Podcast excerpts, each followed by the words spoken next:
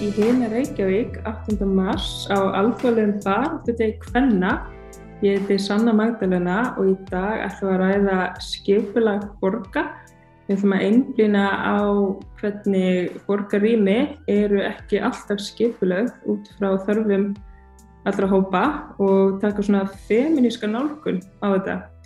Um, ég sá í fréttum um daginn að það var kona, eða tvær konur minni mig sem að voru með vatnavagna að reyna að komast yfir göttuna, það var mikil snjór og það var búið að reyðja þannig að það var bara mjög erfitt að reyna að klífa einhvern veginn þetta snjófjall með vatnavagnin og nýfætta barnið. Um, þá svona fer maður að hugsa um ímislegt hvernig hérna borgir eru hannar og hvort þessi hannar fyrir okkur öll fyrir okkar allar og svona á hvaða svona hópum ímislegt um, bitnar og svona til þess að kafa nánar í þetta þá eru þeir Sara Steff og Þóra Kristín mættar til mín og við ætlum að ræða, já, skipraborga og svona þennan feminíska vingil. Ef ég byrja þér Sara, hvað hérna, hvað, feminísk skipulag, er það eitthvað, er eitthvað að skoða það? Ég meina, er ekki borgir bara gangstjættir og, og hús og, og bara allt flott, er eitthvað, er eitthvað að segja eitthvað feminist eða antfeminist í því? Nákvæmlega. Hérna, einmitt, það svona kannski blasir ekki við, hérna, ef maður er hérna ekki vön að, eða vanur að hugsa um skipilega borga út frá svona feminískum hérna sjónarhóttnum og kannski líka bara ef maður er ekki kona eða manneskja með barn eða öldruð manneskja, þú veist, ef þú ert ekki bara þessi default stærð sem að mörg skipulög og arkitektúr borga ganga út frá sem er bara þessi karlmanns stærð, þú veist, bara default stærðin er karl, sama hvað hver segir, þú veist, það er ekki, við viljum við sá það bara rosalega vel núna í þessu hérna snjófjúksveðri að það, voru, það eru gödunar sem eru fyrst sagt, hérna ruddar og ruðningurinn upp á gangstittinnar og þar að leiðandi sko á eiga bara bílar raunverulega greiða leið til og frá A og B um, húsum og heimilum fólks en aðrið, þú veist, þessu gangandi vekkvarandur eins og þessar konur með barnavagnana þú veist, við eigum bara hættu, ég var sjálf sko gangandi þegar hérna verslétt og mín slóð sem var frá svona nesi og útkverfi sko upp að torki bæjarins þar sem allar stræt og samganguna voru það voru bara svona hrúur af klaka, þið veitir og ég er, bara svona temmilega góðu ástandi en maður bara mátti prísa mig sæla að brotna ekki við að veitir, stökka niður á göduna og þá er ég líka talandi um svona skipulega þá er ég líka að fara eitthvað svona tróðna hérna, tróðna slóðir sem eru algengustu leiðirnar sem fólk fer en ekki endilega malbygguðu stígarnir, þið veitir sem er svona líka annar hluti af, af hönnun borga og skipulagi sem að liggur undir snjónum. En þannig að já, ég, þú veist, ég er alveg vissum að Þóra getur líka pitchað inn með sögu um, um snjó og barnavagna, eða ekki rétt í mér. Sko, heldur betur, en það er líka varðandur en snjómókstu núna að það er svo áhugavert að maður lesi fréttum að það sé fyrir að fara fjórðar út og í göttinu hjá mér þá hefur ekki verið móka. Þannig að sko íbúargötur hafa verið sko hunsaðar, kannski, ég þekk ekki hva, hvort það séu ákveðin hverfi eða eitthvað svona, en það hafa verið stoppbreytirnar sem að löður áherslu á og hverjir eru heima með börnin, þið vitið, og sko, ég horfi, að því að ég býð þannig, ég horfi á stelpunna mín að lappa út í skóla, það er mjög stutt, sko, nema það að er fara mjög varlega yfir guttuna og svo er það komnar upp á gangstætt og það er kunna alveg, sko gatan er, það er rosalega lítil umferð en það er kunna þetta, maður fyrir upp á gangstætt og það er ekkert að tröfla það er frá því plani að fyrir framann þær er fjall af klökum. Og eldri dóttur mín þurfti sem sagt að aðstóða þá yngri við að klífa þetta fjall. Þe, mm -hmm. veist, það kom ekki til álega að fara þetta guttu af því að það er, er mjög umferða meðvitaður en sko hvað þetta er? Þú sko mókar aðalbröytina og den byr bara, bara til fjall á gangstéttinni Já, þetta er bara veist, þetta er rosa skrítið Já, það er eiginlega alveg bara, þú veist, störtlað að vera að tala um þetta 2022 Það er rosa skrítið. Já, já, en ég minn þetta er, þú veist, það er vissulega kannski svolítið síðan við vorum síðast með eitthvað svona snjóa vetur, þannig að langt síðan við töluðum um slapp eða þannig. En vissulega er það ástand bara í gangi núna og það mérst rosalega áhugavert líka það sem ég lesi svona um, um hönnun borga, veist, þetta er yfirleitt alltaf verkfræðingar, veist, þetta er svo marglaga hérna feminist að það er yfirleitt náttúrulega verkfræðingar sem hafa lagt grunninn að skipula í borgarna og áður en að konur fóru kannski mikið að sækja verkfræði þá er þetta bara karlastjætti vitið.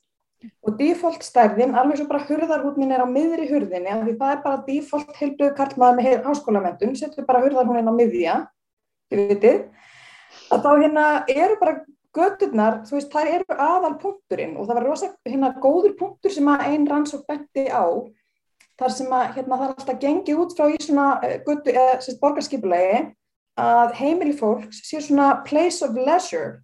Þú veist, þú ert bara þarf að hafa bílastæði keira frá, þú veist staðnum til þess að fara í vinnuna og koma svo aftur heim þú ert búin í vinnunni.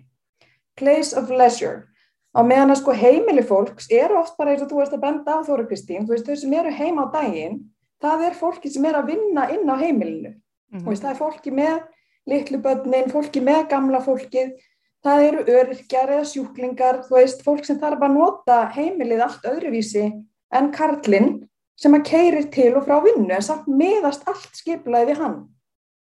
Og líka þetta fólk er hérna by default með sko kannski barnavagnaði kerru, það er mögulega með innkaup, það er jafnvel ekki við góða heilsu, þið veitir, þetta eru eldriborgar og öryrkjar sem eru mest heima.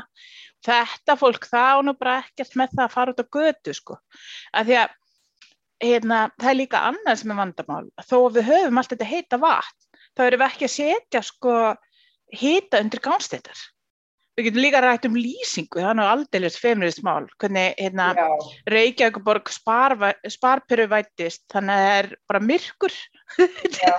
Þú veist það er, er ekki allast til þess að lappur neitt skilji? Já, ég hef til dæmis bara mjög alvarlega sög í því samengi að það var sem sagt um, fyrir núna fimm árum síðan, það var ráðist á dóttur mína að kvöldlægi á Klambratúni.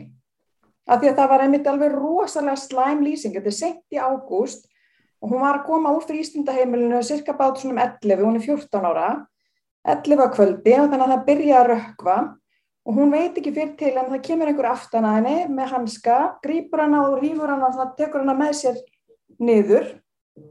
Og hérna í kjölfari fór fram hérna rosa mál og alveg bara alveg ágættis viðbröð þannig hjá skiplas yfirvöldum í Reykjavík um, en þau meðal annars nefnir löðu til til að bæta úr lýsingunni eitt af fyrsta sem ég heyrði frá borgarfulltrúum var að það þeirst að stíga varlega til jarðar og vera ekki að eigða ofmiklum pening í lýsingu. Og ein af lausnónum væri mögulega að láta svona eldiljós þið vitið leggja þess að tanni lýsingu yfir klambratún þannig að þá er raunverulega fyrir svona predatora eins og þennan sem að, hún var ekki svo eina sem að lendi þessum manni að þá hefur þú getið bara raunverulega fyllt eftir þessum konum sem eru að labba þarna, þurfa að labba yfir klambratún þurfa að labba yfir klambratún hún var í Östubæskóla og bjóði mikilbröð Þetta er bara fullkonar styrlu pæling Þetta var bara styrlu pæling sko og hérna, en þetta var rosalega líka, þetta er mitt gott dæmi um bara hvernig Reykjavíkuborg brást við sérst, praktist sé að sé hann að bæta lýsingu á klambratunni sem, sem betur fyrir var ekki með þessum hætti mhm. -huh. og veist heldur var líst yfir alveg uh mhm. Og svo líka því þetta fjallar ekki bara um kannski veist, þessi praktisku hlýðar heldur var hann líka stóð til bóða eitthvað svona sálfræði þjónusta en það var fyrir bara sex vikum eftir atvikið þú veist Já. þannig að ef þú væri ekki nógu vel stött fjáraslega þá þurftur þú bara að býða með áfallið og fara eftir einn og hálfa mánu til þess að tala um það fjóru sinnum. Já, já, akkurat. Þannig að þú veist, það er, já, já, maður spyrir hvort kemur á undan þannig veginn, eða í hvað samingi er þetta að gerast, eitthvað, það er hérna greinlega fólk sem á í vanda að stríða í borginni og er, hérna, fær ekki laust sinna mála, ræðist á annað fólk, þú veist, uh mhm. -huh. og það er eitthvað svona praktísn, verður persónlegt áfall fyrir hana en líka eitthvað svona lýsing og skríti að þetta var svona svæði sem þessi maður bara sótti á. Já og svo þessi sálfræði þjónusta. Já, en nefnilega sko að því að nefnir þarna e, norðmýrina að þá bjója livskötu og daldi lengi og það er náttúrulega fyrir utan að það var alveg sjáaleg munur á, á aðgengi að Hallgrímskirkju hvort þú varst fyrir framann eða fyrir aftan hana eða var snjór og slapp og svona og veist að baklutin var ekki hún var ekki sintjað mikið að þá var svo mikið myrkur og er svo mikið myrkur mm -hmm. yfir þessari hæð Mm -hmm. að ég sko ef ég var það neðarlega í, í miðbænum að þetta var alltaf lapp og svona og fór bara eftir stemningu skilji, ég átti það til að taka leigubil heim. Já, maður bara leggur úr miðbænum, bara af því að ég, ég vildi, fannst þetta óþægilegt skilji, svo sem ekki það- oft eitthvað niður í bæ skilji, en, en enga síður ef að, veist, ef ástandi var eitthvað þannig, Þetta, er svona, já, þetta eru svona creepy hliðarnar af vondu skipulagi sko, en svo náttúrulega líka sem ég, hérna, ég sérstakann áhuga á það eru sérstu sundlöður. Mm. Um, bæði náttúrulega, náttúrulega búið að laga, laga þetta núna kannski um, í sundhöllinni, en gamla sundhöllin var þannig að í Reykjavík sem sagt, að það þurftu konurnar að stöylast niður langan brattan stiga, þú veist, sem að var jafnvel háll og það er allt flísalagt þar. Með krílinn sín og sturta sig og fara svo aftur upp enn hálari tröppur til þess að komast út í laug og þar. Kallarnir bara fóru allir inn á jafnsléttu. Ekkert við sem þar. Hver er bara default þannig, hver, hvað, Guðjón, nei.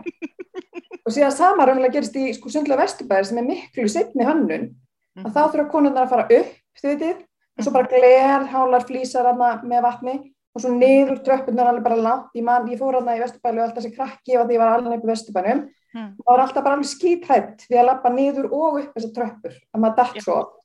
Kallarnir, það er þrjár tröppur niður í vesturbæliðinni og þrjár upp. Já. Ég meina, þú veist, akkur eru þið alltaf að kvarta? dæti mínar ef við fyrir með sund, ef við náttúrulega þú veist, höfum farið í nokkur sundlegar og það er tuða alltaf yfir því að kallar þurfa að lappa skemur Já, í klefan sinn. Þetta er svona í lögadalslegu, þú lappar og þá er það kalladeildin, svo lappar miklu lengra til að komast í kvennaklefan og það Það er er alveg ekki rasandi yfir þessu. Ef, maður, þú veist, þú byrjar að horfa á þetta, þú veist, þá getur ekki, ekki séð þetta. Þetta er bara, þú veist, þetta er ofandræðilegt eiginlega til þess að tala um, hvað þetta er mikið default. og mikið, mikið sko kerfi í gangi. Já, þú veist, kerfi sem enginn sér eitthvað neginn spurningum að setja sjálfan sig alltaf fyrst. En það er eins og með, hérna, sko, fyrir okkur sem að hefum átt tíumbil í strætó, að þá er sko strætó, aðgengi fyrir badnavagna og svo kemur marg, annar margfældinarstuðil sem er moksturinn. Og á snorrabreytinni manni að þá, hérna, einhvern veginn var mokað og ég var að byrja til strætó og það var sko nánast ógjörningur að komast út í strætó, þið veitir, út Mhm. af hérna sjónum nema ég gerði þetta og þetta var sko mitt strætótífumbil var hérna 2014 til 16 eitthvað svo leiðis og það var þá var svolítið happa klappa hvort að hérna maður kom strætó kom að vagninum upp í strætó. Þeir, voru ekki allir svona sem, sem að lækka sko. Já, sem lækku, já. um, það var eitt. Það var alltaf risiko hvort, þú gast sko fegst að leggja vagninum setja hann í lás og lappa svo að borga það var risiko mjög oft sem hann farið á stað áður en þetta var gert sem mjög óþægilegt sko Mm -hmm, mm -hmm. uh, að því að þeir líka eru stundum glanalegir og svona mhm. Svo var það þriðið með moksturinn að ég mani var að fara út í Skerjafjörð og að stoppustöðinu minni þá sem sagt, sko, það var svo mikill snjór og alveg ótróðið að dótti mín, hún sko sökk bara upp, hingað upp. Og þegar við erum að berjast við að koma okkur út úr strætó með alla föggunar og allt, þá er strætóbílsturinn brjálaður yfir hvað við séum að taka langa tíma í þetta. Já, ég meina það þarf að halda áætlun þóra. Það, ég veit það, ég var ekkert ekki alveg með að nota með því, skilur Þannig að ég held ekki að þetta var þjónustu Það stofnun. er svolítið þægileg, þú veist, viðskiptavinnu strætó. Þetta var einhvern veginn og þann dag, það var svo margfald svona, hvar Já, er ég í svona- kerfinu, þú Já, veit? en þetta er rosa góð líka hérna saga inn í bara engareksturinn á strætó, þú veist, að hann hafi verið seldur um, Hvað var það? frá borginni vegna þess að svo, ég man einmitt að ég var með krakka sko sem voru að æfa íþróttir í Laugardal á stuttu tímanbili, mjög fínt. Um, en ég þurfti alltaf að senda þær einmitt, ég var í vinnu og þær þurfti að fara með strætó og sem stoppaði bara Suðurlandsbröð í ykkur sturdlaðri umferð og þær eru sko svona litlar, þið vitið, og þurfa að fara yfir Suðurlandsbröðina af því að hérna frangatastjóri strætó svaraði tölvupostinu mínu sem ég spurði bara af hverju fer strætó ekki með allt þetta íþrótta og badnastarf í lögadalum, af hverju keiriði ekki hjá lögadalsvöllinu og þróttara heimilinu og þannig. Það er ómögulegt. Það er allt og margar hérna hraðahindranir. Nei, bara ég, þú veist, sem er einmitt man-made sko. Já, líka bara þú veist það hverki annar stað hraðahindranir í bænum. En þú veist það er ekki þetta að keira þarna í gegn og vera alltaf bara Akkurat. Það er út til það svo miklu. Já. Hjá strætó, þannig að núna emitt, hérna, maður er að heyra strætó fyrir ekkert lengur inn í hérna, hverfin. Og ég vilti spyrja ykkur, er þeim eitthvað reynslu af sko þegar að nota strætó til þess að emitt versla í matinn og gera þessa verslunarferðir eða er þetta bara hérna, ekkert mál og rölt út í búð og, og halda pókunum heim. Það er líka kannski eitt að því fyrir þættinum vorum við að tala með mitt sko hvað hva fólk er heima, hverju er heima.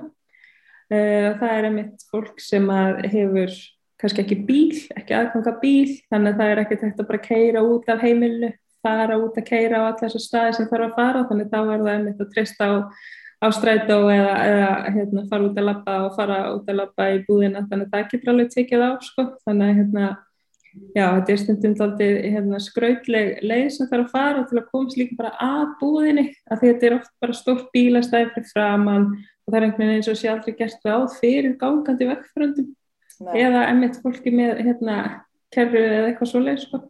Akkurat það er bara standard, þú veist, á öllum held ég bílastæðum í borginni, ég man ekki eftir neinu, jú, nema kannski á hótelsög og þjóðabóklöðinni þá er eitt svona, hérna einn gangstjætt lögð í gegn, þið vitið, en það er fullt af bílastæðum til hliðana, mm. það er vissulega ekki búð heldur, það er hótel og bókasafn, en þú veist, ef það er, jú, kannski smáratorki þá er einn stjætt, það er eitthvað svona einn alltaf tókenn stjætt, en svo er bara, eru bara bílastæð og þú ert bara í lífsættu, þannig að það er eitthvað ef það er hálka eða þá þú ert ekki nógu líkamlega þekkt til þess að mögulega komast nógu hratt á milli þá ertu bara í smá veist, hættur sko á að slasast.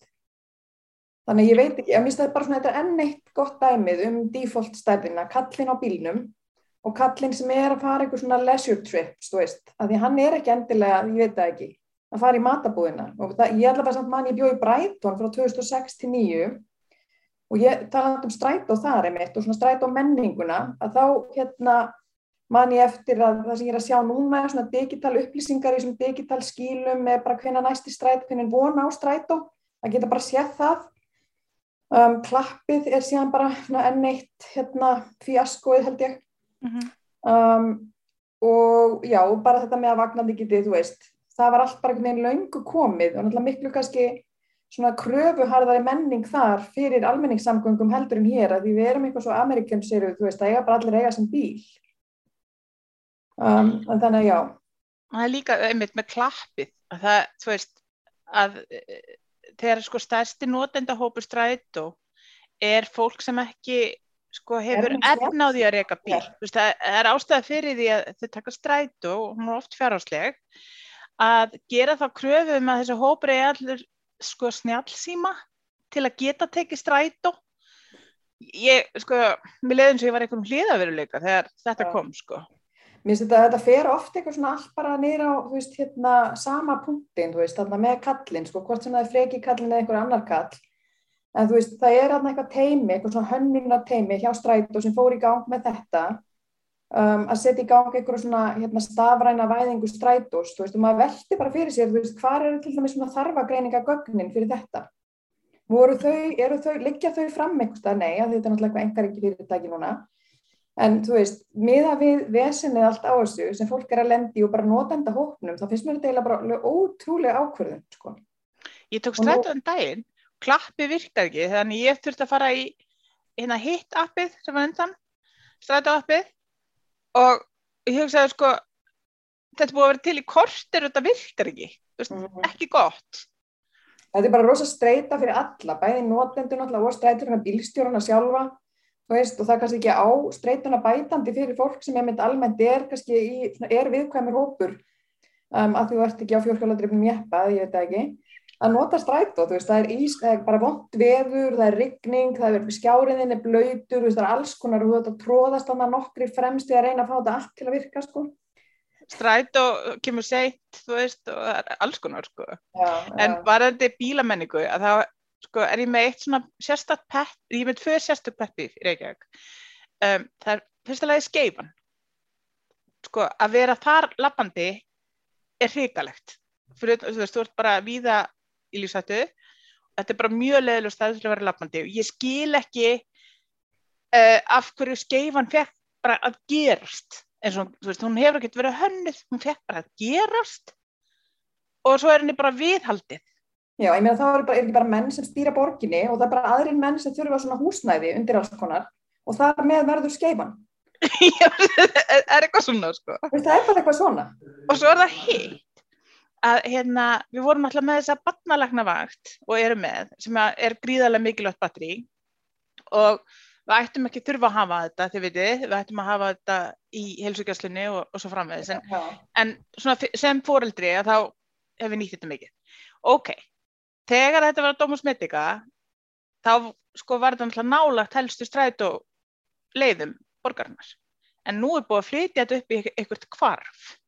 Mm þú veist, það er alveg ástæði fyrir því að sko, það er bara ekki nóg mikið af dóti í þessum kvörfum til þess að séu góða strætósamgöngur þangað frá helstu Já, líka bara Kjörn- það er ekki rekið á borginni, þú veist, þá er ekki hvati, er ekki hvati fyrir strætó til þess að setja stopp þar, er þetta ekki eins og þarna sjálfbæra hverfið? Er það ekki, þú veist, er ekki, ég veit það ekki, hvað var langt frá sjálfbæra hverfinu sem er nýhannað yfir í fyrstu stoppustuð og engin lýsing og í Gufunesi, ég tók ferð, ég fór frá ráðhúsinu upp í hérna Gufunes með strætó og þetta var mjög langt ferðalag og, og svo var lapp, það var mjög langt lapp og það er einmitt, þú veist, þú ert með hérna vatnavagn að fara niður þessa brekku því það er engin hérna einhver er gangstjætt almennleg að hverfinu, þá er þetta bara disaster. Já, og það býr ungt fólk þarna með börn og sem kefti sér þarna sérstaklega til að búa í ykkur vistvænu hverfi. Þú veist, ég held að þurfi ykkur að sérstakka tegund til þess að búa til svona. Ég tengi mjög mikið við hérna skeifuna, hérna, já ég er sko fótgangandi og nota strætó og alltaf þegar ég er að fara þangað, ég er bara mjög ofta frík út, ég ætla bara nú, ætla ég að vera frek, ég ætla bara yfir göttuna og svo er ég bara, já ég ætla samt ekki að láta keira mig niður, þannig að maður er alltaf bara, vó, þarna kom bíl og þarna kom bíl og bara, fyrir maður ég núna fara yfir? Og svo bara, nei, nei, nei, nei, ok.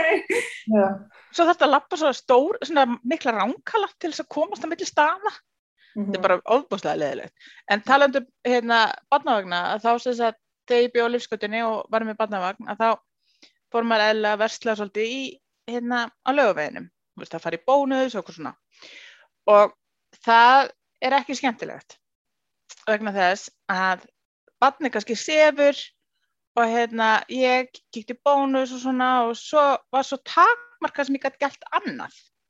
Ég gæti stoppa fyrir utan og horta á búðagluggana en rosalega opaslega fáum stöðum komst ég inn af því það var alltaf eina eða tvær tröppur þröng hurð og eitthvað svona og Eru þau rann? Já.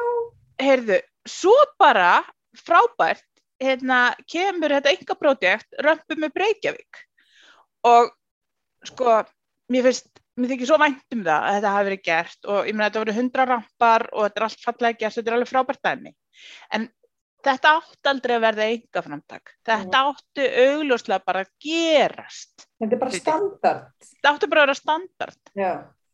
og það greinlega mátti þið veitir, það er Mhm. ekki þú veist, þessi hús er ekki heilög sko. Mhm, Ég mitt. og þegar hann fór á stað eftir að hafa teiknað þetta og fengið þetta leif og svona, það tók þetta tvo mánuði eða eitthvað, þú veit, hvað, þú veist, ha, Mhm, hvað þurfti, skilji, mhm. í, í alveg, Sýnir bara hvað borgin er hérna útilokandi fyrir um fólk með föllun, fólk í hjólastól og það er margt sem er bara, eitthvað, nei, kemst ekki að þessa búð, nei, kemst ekki að þessa búð, ekki að þessa, nei. Já. og svona óþarflega takmarkandi, Mhm. sko. Mm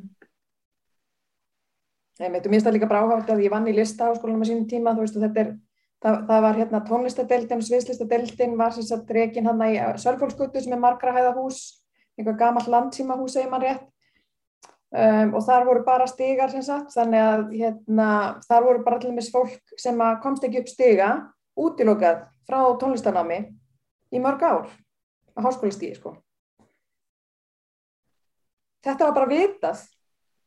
Það er ekki þetta eitthvað það er ekki þetta að fara af stað og laga þetta fyrir einhverja einhverja örfáar mannesku sem vilja læra hljóðfæri eða tónsmíðar það er ekki takt að setja bara eitthvað að koma fyrir einhverju liftu þau verður bara að býða Já. þetta er bara rosalega spes hérna forgangsröðu Ég með sko skiplaðinu svona ráðstefnu og ein af hérna, tátakandum er í hjólastól. Og þá komst ég að því að það sko eh, skólastofri Háskóli Íslands með aðgengi fyrir um, hjólastóla er svona aðalega háskólatorki aðlilega hús sem voru byggðuð á eh, skilji, ok um, síðan var vandamál fyrir veitingastadi það sem að var að, aðgengi og á þeim tíma, ég veit ekki hvort það hafi orðið til síðan, en á þeim tíma þá var ekki til neinn vefsíða með þessum upplýsingum. Ég held þetta hlita að vera til eitthvað starf. Svo kom þriðja atriðið, þá var að finna hótel með hótelherbyggi með aðgengi fyrir hjólastóla. Allt þetta þrett kom mér svo óvart að þetta var alveg sko 2014 eða eitthvað. Mm. Og maður bara ægi í svona sínu þú veist, reyfi getu hérna, ver, veist, veruleika að þá einhvern veginn hugsa maður aldrei um þetta sko, þú veist, maður heldur bara ímislegt séði lægi sem maður lendur aldrei í sjálfur sko. Já. Já, það er svona svona rökum sem maður kallar, þú veist, bara hugsa ekki úti einmitt þessu heimili sem einhvern svona hérna, stað það sem er einhver aksjón og það er verkefni sem líka fyrir og það er að fari, Já. bara því að veist, það segir svo margt einmitt um um þeirra stöðu, þú veist, hérna, hún sé bara einmitt að koma og fara, er einhverstað annar stað á daginn og koma tilbaka. Mér finnst það bara svona rosa áhæfari punktur til að taka inn í bara einmitt svona einhver hönnuna dæmi um, hjá sveitafélagunum. Þú veist að heimilin eru ekki, veist, svona places of leisure. Þú veist, þetta er ekki bara eitthvað ég kem heim til að fara í bað og slaka á eftir langa vinnudag. þú þetta er bara, það er bara fólk inn og út á mörgum heimilum. Af ólíkum ástæðum, þú veist, ólíkum fórsendum. Já og, og sko það er líka stór hópur fólks sem ekki kemst út, veist, er heima en sko af því það er ekki móka þá er það náttúrulega kyrrsett. Já, akkurat, já. Já, ég vil bara ekki hugsa til þess sko. Ofan á COVID, þið veitir. Já. Veist það. Og, já, og þú veist, þetta er svona vandamál sem er hægt að leysa og svo er þetta hátt, þið veitir. Ég menna það er alltaf verið að gera við eitthvað götur, það er ekki búið að setja heit, heitt vatn undir þetta. Já. Fleira? Já, já, þetta er bara, mér setja eins og með þær hérna, sem eru með uh, feminísku fjármálinn, ég hef hérna fylgst aðeins með þeim, það er rosa áhugavert hvernig það er að opna svona umræðu um bara fjármál sem ekki bara mjög karlagt hérna um, topic, þú veist, þessi hægt að greina bara eins og svona, þú veist, að það er alls konar hluti sem hægt að greina, þar með talið eins og snjómokstur, hvernig það hefur bara áhrif á kostnað innviði sveitafélaga að móka ekki gangstittur og sjá til þess að göngulegðir séu færar. Af því að einmitt ef að fólk lokast inni eða brotnar þá er þetta fólk sem er að vinna líklegast í þessum láleina störfum í hérna við þess að grunn þjónustu bara leikskóla, grunnskóla, frístundaheimili spítalana, mötuneytin, allt þetta uh mhm. -huh. og ef að þau komast ekki til vinnu að þá nefnilega, þetta er alveg sem með konurnar og kallana, þú veist, að konurnar sjá til þess að kallarnir geti mætt í, í vinnuna eða þannig og það er bara sama sem gildir þarna, þú veist, að ef að stóð hérna, innviðirnir er ekki í lagi, þá er engin, þú veist, þá er bara hægari þjónusta í mötuneytinu, að það er ekki jafnmargir á vakt í frístundaheimilinu, spítalanum, skólanum, allir þessu. Þannig að þú veist, það er ekki eins og sért bara að tala um slapp. Þú veist, þetta er bara miklu meira en það.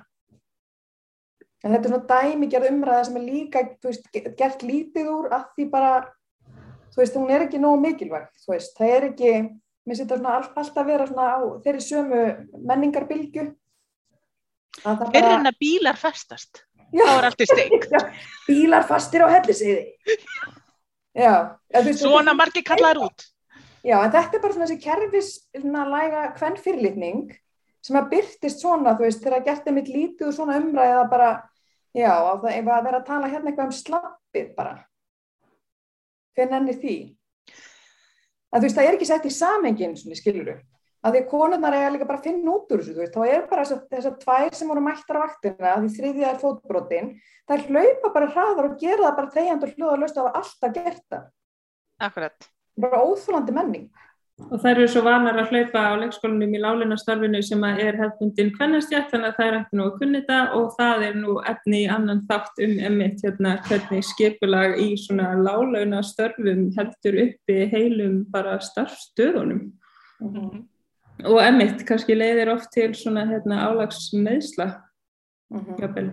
mm -hmm. Algjörlega. Bara skerði lífskeiði þeirra, bara klálega. Ég man eftir það var, sko, það var einhvern tíma það var endurskiplaring á strætó uh, eins og svo oftar og það gleymdist að gera ráð fyrir því að starfsfólk þurfti að komast á hrafnustu og landsbítalan og væri í vaktavinnu það var alveg það var alveg ótrúlega sko, veist, það var einhver verkfæðingur sem hafa bara aldrei hitt neitt sem hefur unnið í umönun og bara þetta ekki hug. Nákvæmlega hópur sem nota strætó þú veitir ótrúlega áhugavert. Ég, hérna, já, ég er búin að læra, læra helling og hérna, það er, já, það er hellingur sem við getum lært af þessari umræðu. Er eitthvað sem við viljum bæta við að, að lókum ég, ég vildi bara óska þess veist, að svona, einmitt svona kynjuð greining á gögnum væri bara ríkari þáttur í allir svona þarfagreiningu sem að líka út í grundallar þess hvað skattbeiningur okkar fer í. Mér finnst það ekki bara að vera standard. En það apparently þá er það bara eitthvað auka. Já, sko það er líka, þú veist eins og hérna þegar þessi umræðum sko sjálfvirkni, sjálfvirka strætó að kemur, þá gleymist alveg að ræða það að sko það er alls konar jáðarhópar í veikri stöðu í strætó, ef það er engin bílstjóri, engin með vald, skiljiði, hvernig er það að taka nætustrætó og svona sko, veist, það vantar bara einhvern veginn skilning á því að það eru öll mál. Þú veist, feministk ljósastörðarnir og gangstættirnar þetta er allt feminist Já, ég bara líka óskaði sann að það myndi kannski gera annan þátt um þessa helvíti sjálfvirkni væðingu af því að ég hef mjög mikið um hann að segja. Og já, það var til dæmis hérna, einn afleng eða ég veit ekki hvort afleng sér eftir orðið en í Reykjavík og Borg það voru svo að fimm þjónustumístöður sem það kannski mætt á núna í dag var fjórar og það er komin einu ráðræn þjónustumístöð mm -hmm það er eitt sem er hægt að ræða. Það er don't get me started sko. sko þetta var ofbáslega gott spjall. Já. skemmtilegt. Ég er bara mjög þakklátt fyrir þetta dagjúri Takk ykkur kærlega fyrir og hérna við heldum áfram að ræða málinn sem þarf að ræða og við getum verið hér uh, mjög lengi en hérna við kræðum hérna úr henni Reykjavík í dag